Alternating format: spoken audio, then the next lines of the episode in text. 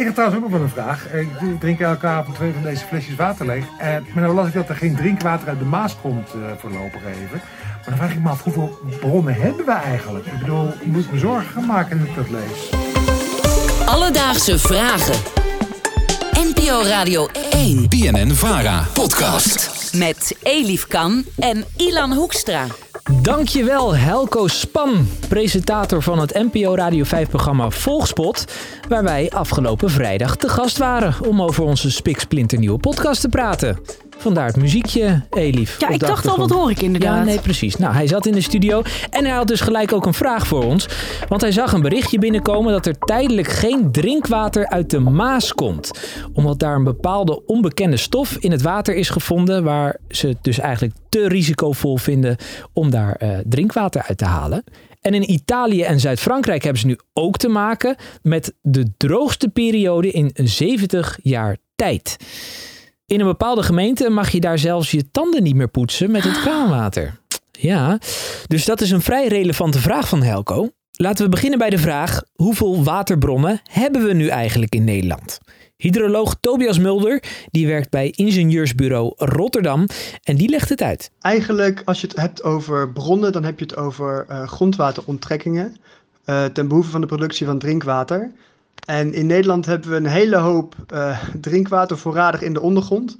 Maar die voorraad is niet onuitputtelijk. Dus we weten wel hoeveel drinkwater we nog in de ondergrond hebben. Maar we weten eigenlijk niet zo goed hoeveel putten er nu in totaal zijn die dat grondwater omhoog halen. Dus het korte antwoord op deze vraag is dat er het ontelbaar veel zijn. Tomse Jongepier die werkt bij het bedrijf Vitens, wat voor het drinkwater in Flevoland, Utrecht, Gelderland, Overijssel en Friesland zorgt. En zij zegt dat het nog best wel spannend kan worden. Wat wij zien is dat je te maken hebt met eh, een toenemende vraag op warme dagen. En dan heb je te maken met piekverbruik. En dit kan je eigenlijk benoemen of omschrijven als een soort incidentele toename naar de drinkwatervraag. Daarnaast heb je, hebben wij te maken met een, ja, soort structurele toenemende vraag. Daar, daar kan je van zeggen dat eigenlijk de vraag naar drinkwater in het algemeen toeneemt voor, voor nu, maar ook voor de lange termijn. En dit komt onder andere door uh, bevolkingsgroei en economische ontwikkeling. En dat heeft er vooral mee te maken dat mensen tegelijk veel meer water verbruiken. En wat er dan gebeurt is dat wij leveren drinkwater uit reservoirs. En die reservoirs die raken dan eigenlijk steeds sneller leeg. En we hebben dan te weinig tijd om die reservoirs goed aan te vullen. Ik krijg hier toch een beetje een naar gevoel bij. Ja, en dan hebben we natuurlijk uh, de aflevering van gisteren gehoord dat we de 18 miljoenste veel sneller gaan krijgen. Dus die waterbronnen zijn er ook nog helemaal niet op voorbereid. Ja, paniek. Hoe gaan we dit oplossen? Ja, nou ja, als die waterbronnen opraken, dan doet het mij weer denken als ik op vakantie ben. Want dan koop ik sneller een, een waterflesje om uit te drinken. Uh, en uh, soms zelfs ook gewoon om mijn tanden te poetsen. Dat ik denk, daar zit zoveel chloor in. Dat doe ik ook wel, ja. ja. Of worden je tanden dan gelijk ook gebleekt als je, als je dat chloor uit het... nou ja, goed. um, maar nu is mij ter oren gekomen dat het water uit de Sorcy flesjes... Of moet ik Sorcy zeggen? Oeh. Sorcy? Sorcy? So Sorcy. Ik dacht dat het Sorcy is.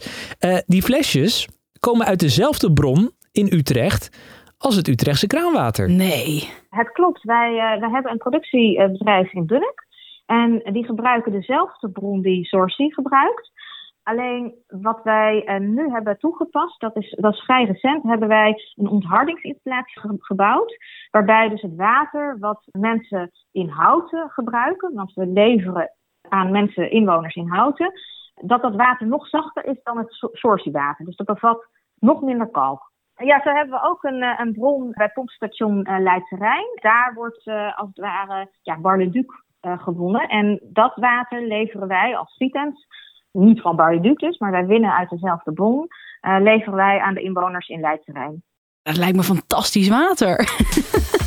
Alledaagse vragen. En het is wel leuk, want wij kregen vorige week ook nog een vraag van Robin Dijkema uit Groningen. Want zij vroeg zich af waarom heet water anders smaakt dan bijvoorbeeld koud water. Hmm. Ik vond het een goede vraag, toepasselijk ook voor deze aflevering. Dus ik heb Marielle Tiadens opgebeld. Zij staat op evenementen met een waterproeverij. Dus niet een bier- of een wijnproeverij, maar een waterproeverij. Dus zij weet alles over water. Zij noemt zichzelf ook watersommelier. Dus geen wijnsommelier, maar watersommelier. Dus zij weet precies te vertellen hoe dat smaakverschil nou in je mond komt. Ja, dat is, dat is echt uh, een stukje beleving. Dat is wat men lekker vindt. De mineralen, de samenstelling van het water wordt als het best ervaren wanneer je het uh, fris drinkt, zeg maar, als, als, als koud water. Dat vinden we het lekkerste. Dus je smaakpapillen worden bijvoorbeeld verdoofd als je koud water drinkt. En je papillen doen weer iets anders als het heet water is, waardoor je dus eigenlijk de smaak anders ervaart. Maar begrijp ik hieruit dat warm water dan ook slechter is dan koud water? Mm, misschien voor je smaakpapillen, maar voor je lichaam weet ik dan weer. In China drinken zij alleen maar gekookt water. Hmm. Zonder, zonder thee of iets. Maar dat is heel gezond, uh, heet water drinken.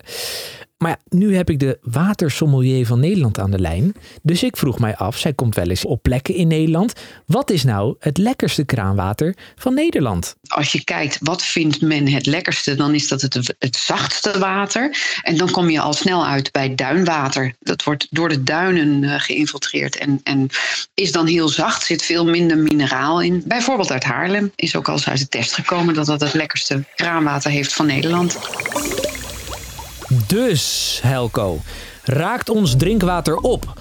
Ja en nee. We hebben geleerd dat we in Nederland uitputtelijke waterbronnen hebben. Maar wel zoveel dat ze voor de komende generaties niet op zullen raken. Wel is het zo dat onze huidige reservoirs ons piekgebruik nu haast niet aankunnen. Dus het drinkwater kan op een gegeven moment opraken. Daarom ook het advies: ga zo zuinig mogelijk om met je drinkwater. Heb jij nu ook een vraag? DM ons op Instagram, Alledaagse Vragen. Of stuur een mail naar alledaagsevragen.radio1.nl. En wij zoeken het voor je uit. Alledaagse Vragen. NPO Radio 1. PNN Vara. Podcast.